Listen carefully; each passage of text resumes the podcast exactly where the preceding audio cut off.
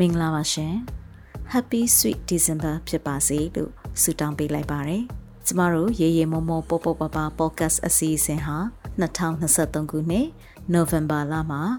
နှစ်နှစ်ပြည့်မြောက်ခဲ့ပြီဖြစ်ပါတယ်ဒီကာလအတွင်းမှာကျမအနေနဲ့ business ပိုင်းဆိုင်ရာအသိပညာတွေကိုထပ်မံပြီးတော့လေ့လာနေတာဖြစ်တဲ့အတွက်ကြောင့်မို့လို့ကျန်တဲ့ရေရေမောမောပေါပေါပပဝိုင်းတော်သားတွေရဲ့ပူပေါင်းထုတ်လွှင့်ခဲ့တဲ့အစီအစဉ်တွေကိုလည်းမိတ်ဆွေတို့ဒီကာလအတွင်းမှာနားဆင်ခဲ့ရပြီဖြစ်ပါတယ်။ လာမယ့်2024ခုနှစ်မှာတော့ကျမတို့ရေရေမောမောပေါပေါပပ podcast ဝိုင်းတော်သားတွေကနေပြီးတော့မှ vulnerable people လို့ခေါ်တဲ့ထိခိုက်လွယ်အုပ်စုဝင်တွေအားလုံးကိုထည့်သွင်းစဉ်းစားပြီးတော့မှတင်ဆက်သွားဖို့လည်းစ조사နေပါတယ်။အဲ့တော့ထိခိုက်လွယ်အုပ်စုဝင်တွေလို့ပြောတဲ့အခါမှာကျမတို့တွေကနေပေခန္ဓာအများကြီးကိုထည့်သွင်းစဉ်းစားထားပါတယ်။ အပုံမှန်အားဖြင့်ဆိုလို့ရှင်တော့ထိခိုက်လွယ်အုပ်စုဝင်နေတဲ့မှာဆိုရင်အမျိုးသမီးတွေကလေးတငယ်တွေတက်ကြီးရွယ်ဦးတွေမတန်ဆွမ်းသူတွေပြီးလို့ရှိရင်အာလိန်စိတ်ခံယူမှုကွဲပြားသူတွေကအစပါဝင်တယ်လို့ပြောလို့ရပါတယ်။ဒါမဲ့ကျမတို့တွေကတိထက်ဆက်ပြီးတော့မှလောက်ခလာစာနေပါတဲ့သူတွေပြီးလို့ရှိရင်အင်ဂျီယာမဲတွေနောက်ပြီးတော့အကြောင်းအမျိုးမျိုးကြောင့်မို့လို့ခင်မွန်းတဲ့ဆုံးပါသွားတဲ့မုတ်ဆိုးမအမျိုးသမီးတွေအတွက်လည်းထည့်သွင်းစဉ်းစားထားပါတယ်။ဒီတော့အခုနားဆင်နေကြတဲ့မိတ်ဆွေတို့အနေနဲ့လည်း မိမိတို့စိတ်ပါဝင်စားတဲ့ကဏ္ဍအသီးသီးကနေပြီးတော့မှတုတယတအနုပညာစသဖြင့်ပုံစံမျိုးစုံနဲ့ storytelling စက်ကြောင်းပြောခြင်းကိုအခြေခံပြီးတော့မှရေရေမောမောပေါပေါပပ podcast အစီအစဉ်မှာလာရောက်ပြီးတော့ထုတ်လွှင့်နိုင်တဲ့အကြောင်းလေးတပါးလေးဖိတ်ခေါ်လိုပါတယ်။လာမယ့်2024ခုနှစ်မှာ MCA Network ကမိတ်ဆွေတို့ရဲ့လူမှုရေးစီးပွားရေးအမှုပညာကဏ္ဍတွေမှာပူးပေါင်းပြီးတော့ဆောင်ရွက်နိုင်ဖို့အတွက်ထပ်ပေါင်းစဉ်းစားထားတဲ့ကဏ္ဍသစ်ကလေးတွေကိုလည်းပြောပြပေးချင်ပါတယ်။ ကျမကတော့စီစဉ်တင်ဆက်သူຫນွေစာကြီးဆိုဖြစ်ပါတယ်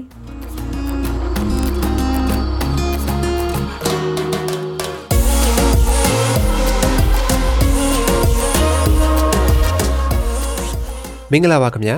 မင်္ဂလာပါရှင်မြန်မာစီနီမာအဘလတီနက်ဝက်ကထုတ်လွှင့်တဲ့ရီမောမောပေါပေါပပအစီအစဉ်ကနေကြိုဆိုလိုက်ပါတယ် ဒီအစီအစဉ်ကမြန်မာလူမှုနယ်ပယ်မှာမတန်ဆွမ်းမှုအသိပညာတွေညှင့်တင်ပေးနိုင်ဖို့မတန်ဆွမ်းအတိုင်းဝန်ကဖြစ်ရက်ဆုံးကဏ္ဍဆုံးကိုမတူညီတဲ့ရှုထောင့်ပေါင်းစုံကနေလွတ်လပ်ပွင့်လင်းတဲ့တွေးခေါ်ဆင်ခြင်နိုင်မှုတွေနဲ့မျှဝေလိုချသူတွေရဲ့အသံတွေကိုပြုစုပြောထောင်ဖော်ထုတ်ပေးနေခြင်းဖြစ်ပါတယ်။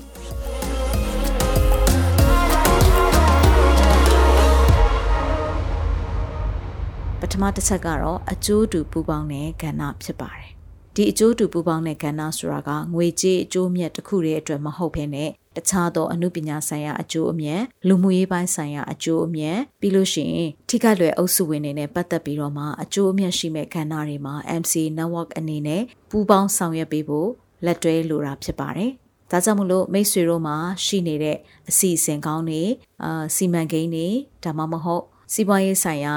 ဈေးကွက်ချက်ထွင်ခြင်းတွေမှာကျမတို့အနေနဲ့ပူးပေါင်းပါဝင်ဖို့အတွက် သင်ရှိနေပါတယ်။မိတ်ဆွေတို့ရဲ့လုပ်ငန်းအစီအစဉ်သစ်တွေမှာကျမတို့ကိုထည့်သွင်းစဉ်းစားပြီးတော့မှလက်တွဲလှုပ်ဆောင်လို့ရတယ်ဆိုတာကိုလည်းတပါးရဲ့အသိပေးလိုပါတယ်။အထူးသဖြင့်တော့လက်ရှိ online ပေါ်မှာစီးပွားရေးခန္ဓာရဲ့အသီးသီးကိုလှုပ်ဆောင်ဖို့အတွက် personal profile တိစောက်လိုကြတဲ့သူတွေကိုယ့်ရဲ့အသိပညာအတတ်ပညာ knowledge တွေကိုပြန်လည်ပြီးတော့မှဝေမျှရင်းနဲ့ business တစ်ခုတည်ထောင်ခြင်းတဲ့သူမျိုးတွေကိုယ့်ရဲ့လက်ရှိထုတ်ကုန်တဲ့ဝန်ဆောင်မှုတွေကိုပို့ပြီးတော့မှစားသုံးသူတွေ အသိပညာရပြီးတော့ဈေးကွက်ချဲ့ထွင်နိုင်ဖို့အတွက်ကျမတို့တွေက digital storytelling နည်းပညာတွေနဲ့ပေါင်းစပ်ပြီးတော့မှအကျိုးတူပူပေါင်းဆောင်ရွက်ပေးမှာဖြစ်ပါတယ်။ဒါကြောင့်မို့လို့မိတ်ဆွေတို့အနေနဲ့ဒီခန္ဓာရက်တွေမှာလည်း MCA network နဲ့အတူလက်တွဲပူးပေါင်းဖို့အတွက်ဖိတ်ခေါ်လိုပါတယ်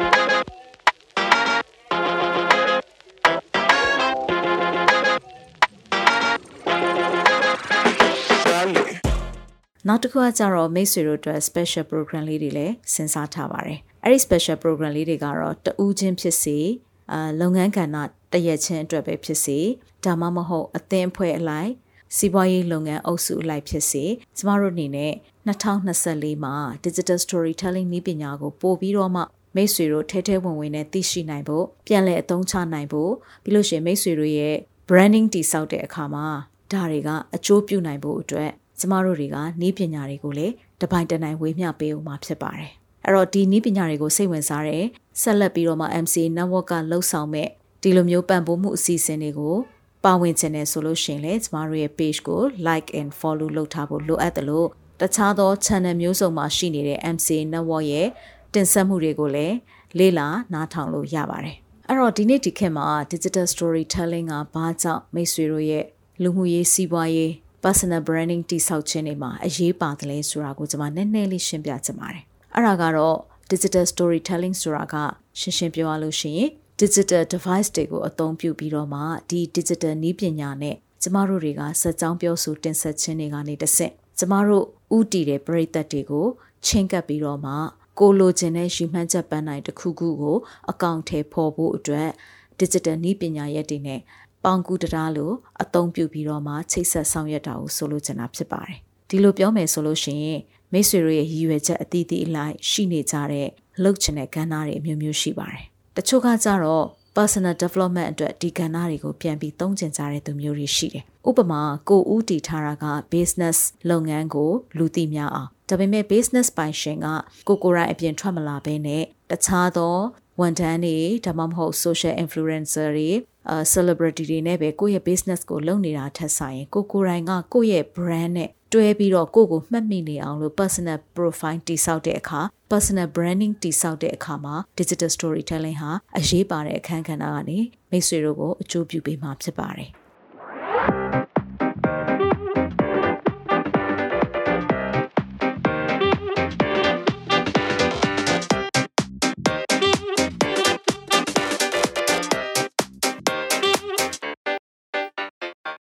digital storytelling လို့ဆိုလိုက်လို့ရှိရင်ကျမတို့အနည်းဆက်ဆုံးနှစ်ခုကိုသတိရဖို့လိုပါတယ်။အဲ့ဒါကတော့အတန်နဲ့တင်ဆက်ခြင်းနဲ့အယုတ်အတန်နဲ့တင်ဆက်ခြင်းပဲဖြစ်ပါတယ်။အတန်နဲ့တင်ဆက်ခြင်းကိုကျမတို့က podcast ဆိုတဲ့အစီအစဉ်တွေနဲ့တွားလို့ရပြီးတော့အယုတ်အတန်တွေနဲ့တင်ဆက်မယ်ဆိုလို့ရှိရင်တော့ video making နဲ့တွားလို့ရတယ်။ ဒါမဲ့ကျမတို့က video making ထက်ပိုတဲ့ film making လို့ခေါ်တဲ့ရုပ်ရှင်ပိုင်းဆိုင်ရာအတတ်ပညာတွေကိုပါထည့်သွင်းအသုံးချပြီးတော့မှဘယ်လိုပုံစံမျိုးကိုယ့်ရဲ့ branding တိစောက်တဲ့အခါမှာ ထိရောက်အောင်အသုံးပြုမလဲဒီရုပ်ရှင်နည်းပညာတွေအားဖြင့်ကိုယ့်ရဲ့ profile ကိုသူများနဲ့မတူအောင်ကိုယ့်ရဲ့ product တွေ service တွေကိုသူများနဲ့မတူအောင်ဘယ်လို branding တည်ဆောက်မလဲဆိုတဲ့နီးလန်းတွေကိုလည်းဝေမျှပေးမှာဖြစ်တဲ့အတွက်ဒီနီးလန်းတွေကိုသိရှိထားတဲ့သူတွေကတခြားသောပြိုင်ဘက်တွေထက်စောပြီးတော့မှကိုယ့်ရဲ့လုပ်ငန်းမှာအသုံးချနိုင်မှာဖြစ်တဲ့အတွက်ဒါဟာလည်း2024မှာမဖြစ်မနေသိရမယ်ဗဟုသုတတရက်လို့ပြောရင်လည်းမမှားပါဘူး ဒါကြောင့်မလို့ digital storytelling နဲ့ပတ်သက်တဲ့နည်းပညာတွေကိုကိုယ့်ရဲ့စီးပွားရေးလုပ်ငန်းတွေ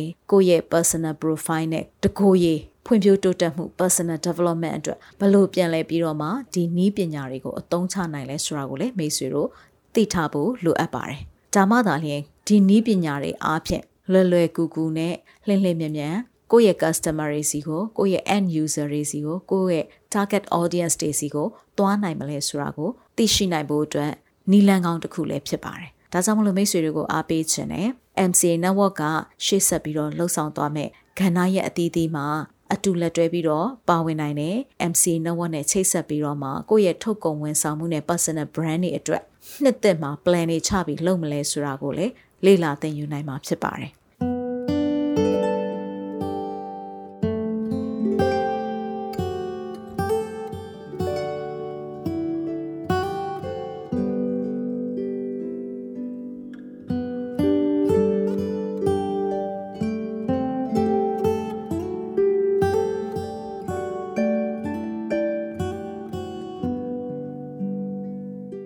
နောက်တစ်ခုကကြတော့ကျမတို့ social service အနေနဲ့ဘာလုပ်ပေးနိုင်လဲဆိုလို့ရှိရင်မိတ်ဆွေတွေရဲ့ထုတ်ကုန်ဝန်ဆောင်မှုနဲ့ personal branding တွေမှာ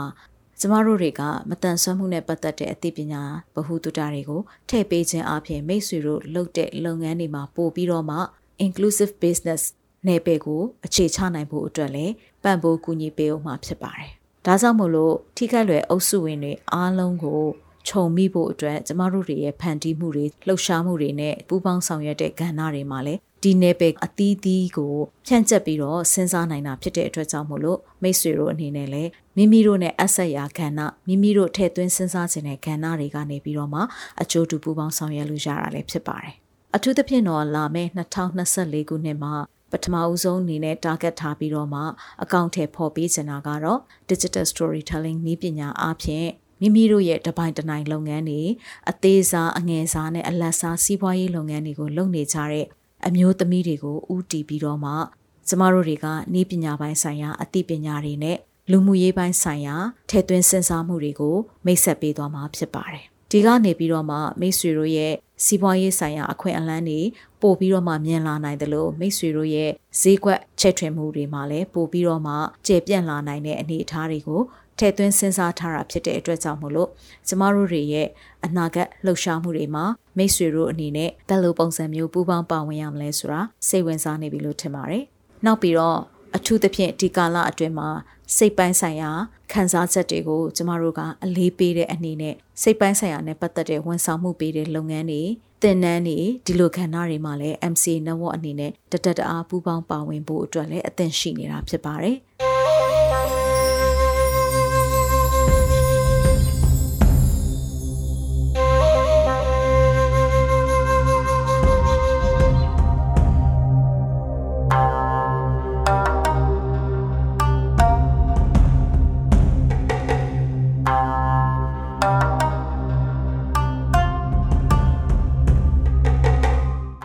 MC Network ကလက်တလောထုတ်လွှင့်နေတဲ့ podcast အစီအစဉ်တွေကတော့ငကိုတော့ကကျမတို့မတန်ဆွမ်းမှုရေးရာကိုဦးစားပေးပြီးပြောပေးမယ်ကျမတို့2024ခုနှစ်မှာတော့အဲ social inclusion ကိုပို့ပြီးတော့မှ UTP ပြောမှဖြစ်တယ်လို့ဒီကနေပြီးတော့မှမတန်ဆွမ်းကိစ္စတစ်ခုတည်းတင်မဟုတ်တော့ဘဲနဲ့ကျမတို့တွေက vulnerable people ထိခိုက်လွယ်အုပ်စုဝင်တွေအားလုံးအတွက်ထည့်သွင်းစဉ်းစားပြီးတော့မှဖန်တီးတင်ဆက်တာတွေကိုလည်းပြုလုပ်ပေးမှာဖြစ်ပါတယ် မီနီပေါ့ကတ်အနေနဲ့ဆိုလို့ရှိရင်တော့ကျမတို့တွေကကဏ္ဍနယ်ပယ်မျိုးစုံကနေပြီးတော့မှစိတ်ကြိုက်ထုတ်လွှင့်ခွင့်ရှိတာဖြစ်ပါတယ်အဲ့တော့ဒီကဏ္ဍမှာပါဝင်ခြင်းတဲ့သူတွေကအသက်73နှစ်နဲ့အထက်ပြည်ရင်းပြည်ပအရက်ဒေတာမရွေလူမျိုးဘာသာတန်ဆွမ်းမတန်ဆွမ်းလိန်စိတ်ခံယူမှုကွဲပြားခြင်းမကွဲပြားခြင်းစင်ရဲချမ်းသာမရွေဘယ်သူကိုမှမခွဲခြားဘဲနဲ့ကျမတို့ရဲ့ဥတီပရိသတ်အစုံကိုအတန်နဲ့ရင်းရင်းနှီးနှီးရင်ဖွင့်ပြောဆိုဖို့ချိတ်ဆက်ဆောင်ရွက်ဖို့ အသိပညာပေးဝေမျှဖို့အတွက်ကျမတို့တွေကဒီ program တွေကိုလည်းမိတ်ဆွေတို့နဲ့အတူလက်တွဲဆောင်ရွက်ဖို့အတွက်စီစဉ်ပေးထားပါတယ်။နောက်ပြီးတော့မှ special podcast အစီအစဉ်အနေနဲ့လည်းမိတ်ဆွေတို့ရဲ့အခမ်းအနားတွေထုတ်ကုန်တဲ့ဝန်ဆောင်မှုတွေနဲ့ပတ်သက်တဲ့အထူးသိတဲ့ခန္ဓာတွေပြီးလို့ရှိရင်မိတ်ဆွေတို့ရဲ့လှုပ်ရှားမှုတွေမိတ်ဆွေတို့ရဲ့အတွေ့အကြုံတွေကိုလည်းပူးပေါင်းပါဝင်ပြီးတော့မှတင်ဆက်လို့ရတာဖြစ်ပါတယ် ဒါကြောင့်မလို့ special podcast အနေနဲ့ပဲဖြစ်စေ mini podcast အနေနဲ့ပဲဖြစ်စေမိတ်ဆွေတွေရဲ့စိတ်ကြိုက်ခန္ဓာတွေကိုလာရောက်ထုတ်လွှင့်လို့ရပါတယ်။စနေနဲ့ပုတ်တဟူးကတော့ပင်နိုင်ထုတ်လွှင့်မှုတွေဖြစ်တယ်။စနေကိုတော့ထိခိုက်လွယ်အုပ်စုဝင်တွေအတွက်ဥတီပြီးတော့ပုတ်တဟူးကိုတော့လူငယ်တွေအတွက်အကျိုးရှိမဲ့ကဏ္ဍတွေနဲ့လူငယ်တွေရဲ့အတန်ကိုဖော်ထုတ်ဖို့အတွက်ရည်ရွယ်ထားတာဖြစ်တယ်။ကျန်တဲ့ဂျားရက်တွေမှာတော့ mini podcast special podcast တွေအနေနဲ့လည်းကျမတို့စီမှာလာရောက်ထုတ်လွှင့်လို့ရပါတယ်။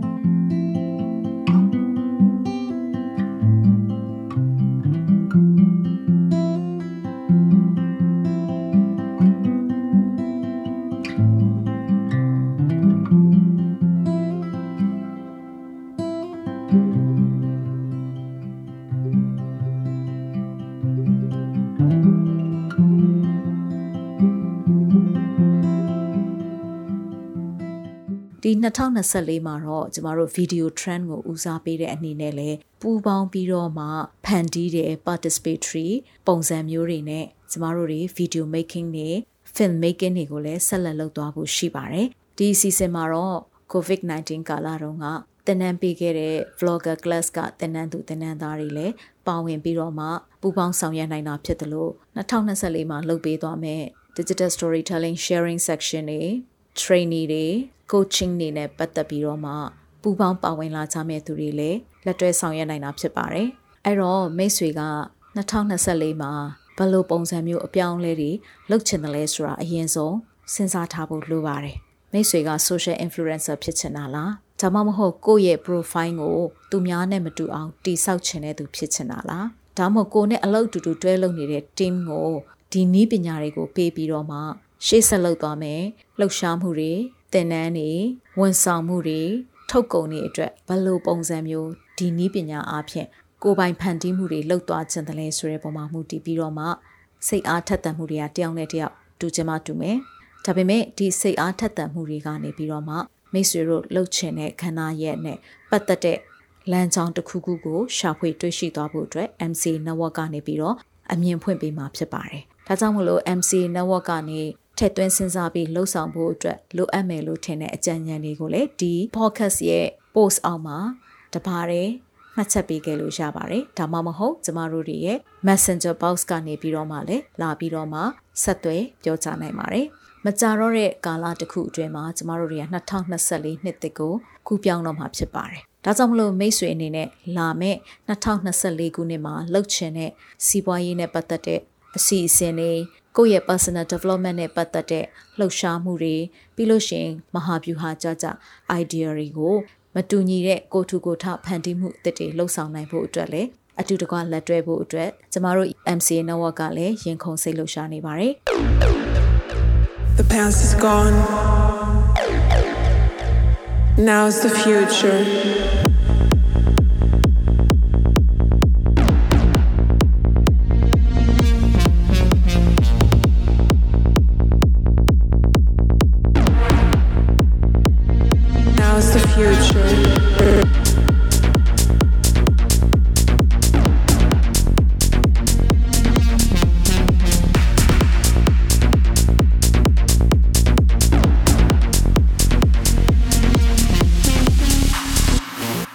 ဒီလိုကဏ္ဍတွေမှာအသက်73နှစ်နဲ့အထက်ဘယ်သူမဆို digital နည်းပညာတွေနဲ့ဖန်တီးမှုအပိုင်းကိုစိတ်ဝင်စားပြီးတော့မှကိုယ့်ရဲ့ personal brand ကိုတည်ဆောက်ခြင်းတဲ့သူတွေကိုယ့်ရဲ့ knowledge တွေကိုယ့်ရဲ့ talent တွေကို show off ပေါ့နော်ထုတ်ပြခြင်းတဲ့သူမျိုးတွေပြီးလို့ရှိရင်ကိုယ့်ရဲ့ product နဲ့ service တွေကိုသူမတူတဲ့ idea တွေနဲ့ကိုထူကိုထဖန်တီးပြီးတော့မှမိတ်ဆက်ပေးခြင်းတဲ့သူမျိုးတွေအတွက်ဒီကဏ္ဍတွေကိုကျမတို့အတူတကွပူးပေါင်းဆောင်ရွက်ဖို့ခွန်အားပေးတိုက်တွန်းရင်းနဲ့ဒီကနေ့အစီအစဉ်ကိုဒီမှာနေမယ်ရန်နာလိုက်ပါတယ်ရှင်အားလုံးလာမယ့်2024ခုနှစ်အတွက်ကိုယ့်ရဲ့ဥတီချက်ရည်မှန်းချက်တွေကိုမမိတ်မတုံလှုပ်ဆောင်နိုင်ကြတဲ့ social influencer တွေ professionals တွေ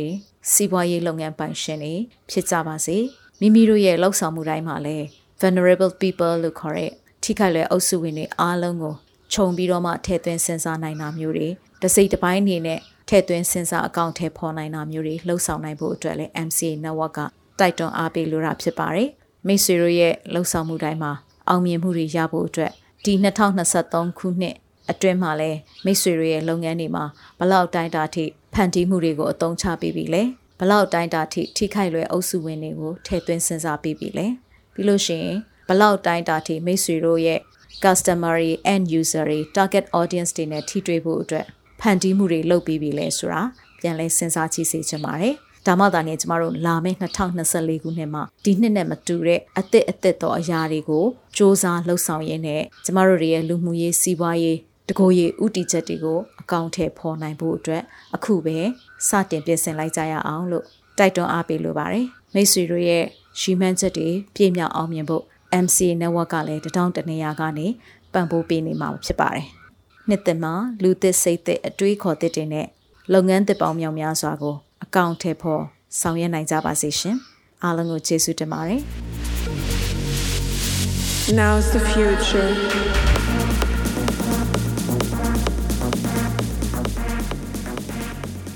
ယခုအစီအစဉ်ကိုမိတ်ဆွေတို့အနေနဲ့အစအဆုံးနားထောင်ပြီးပြီဆိုရင်တော့ မိမိတို့ရဲ့သဘောထားမှတ်ချက်များကိုပေးနိုင်ပါပြီနော်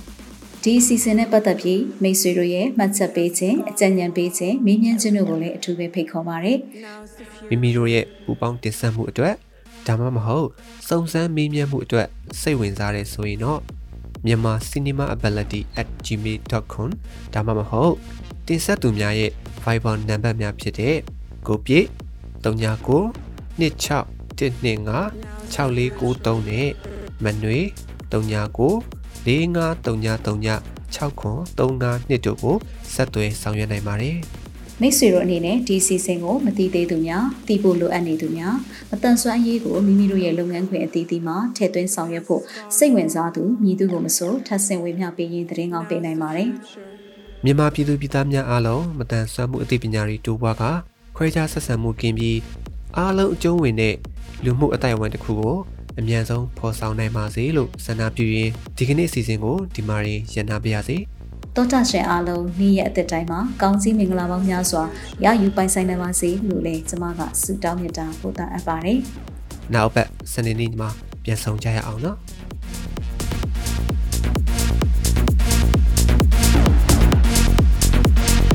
Now's the future.